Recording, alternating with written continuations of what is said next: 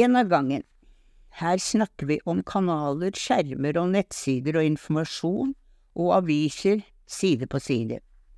Det blir for mye for meg. Dagen starter med å hente aviser på trammen, mens NRK Nyheter-TV allerede er på. Tilbake i sengen med kaffe og helsekost piller om man så er i avisen oppslått samtidig, med at Hugo Fermariello snakker til meg fra skjermen. Man multitasker med hodet og hjernen. Ved min side ligger mobilen klar, tilfelle beskjed og hilsen. De kommer mens man altså følger med på verdens undergang og annet nytt, både på fanget i avisen og der borte på skjermen. Man må jo få siste nytt pluss været, for å være forberedt på sykkel eller bil, ull eller regn. Ikke tar vi inn fuglesang eller vind i syrinen utenfor vinduet. Ikke lytter man på mennesketrinn forbi. Ikke ser man lyset komme. Man registrerer så vidt billys og søppelbiler. Men det er ikke slik at man bare holder kaffekoppen og nyter eller tar inn lys og dag og lar verden vente. Nei, man ser på skjerm og leser samtidig. Hvor mye leser man egentlig fra avisen? Og hvor mye lytter man konsentrert til inviterte politikere og fagfolk om tingenes tilstand? Mens man følger nyheter på TV-skjermen hvor viktige ansikter og stemmer gir oss viktige kommentarer, da viser også nyhetsstudio i tekst nyheter under skjermen, samtidig så vi skal både lese skrift og høre tale. Papiravisen inviterer fortsatt til lesning av én sak av gangen særlig de gode helgeavisene som Dag og Tid og Morgenblad. De holder uken ut.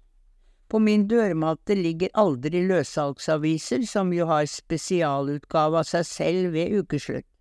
Disse avisene er flagrende informasjon med forsider mest om helsetips og ellers gjenhengående billedstoff dekkende hele siden.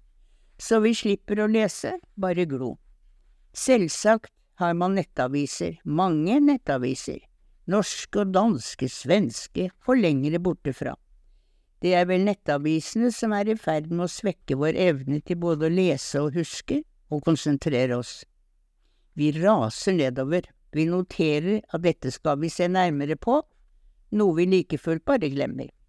Dessuten forlanger nettavisene at vi skal lese vel begrunnede oppslag, og da må vi ha abonnement. De lurer oss, for vi har ikke flere abonnement. Folk i alle aldre er lenket til mobilen eller omvendt. Mobilen er en velsignelse samtidig som den er et narkotikum.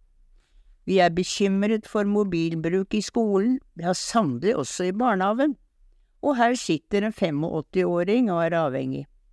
Ikke bare fordi man må ha siste nytt time for time, ikke bare fordi man skal dele og delta i et travelt familieliv med sine nærmeste, ikke bare fordi man har tastehjelp hvis og når noe skjer, men kanskje mest at mobilen er som en vennekrets, som sosialt fellesskap i en fase i livet hvor aleneliv og ensomhet ikke er trivselstrygt.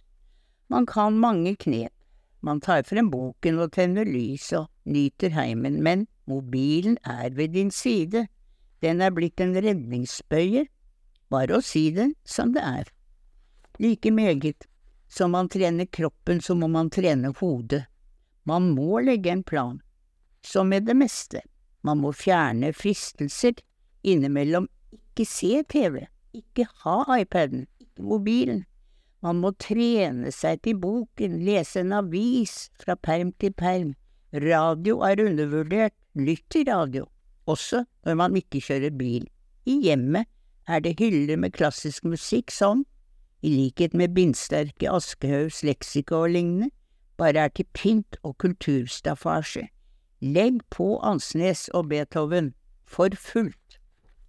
I skrivende stund står verden i brann, det er krig i Midtøsten også. Kan vi bare slå av, rømme inn i kosen, vi får vite altfor meget og trenger konsentrasjon og kloke ord og lange tanker, holde oss til kunnskap og fakta, kjenne på fellesskap om enn aldri så skremmende. Vi har vel en plikt til å delta her man sitter trygt i sin stue, foran skjermen.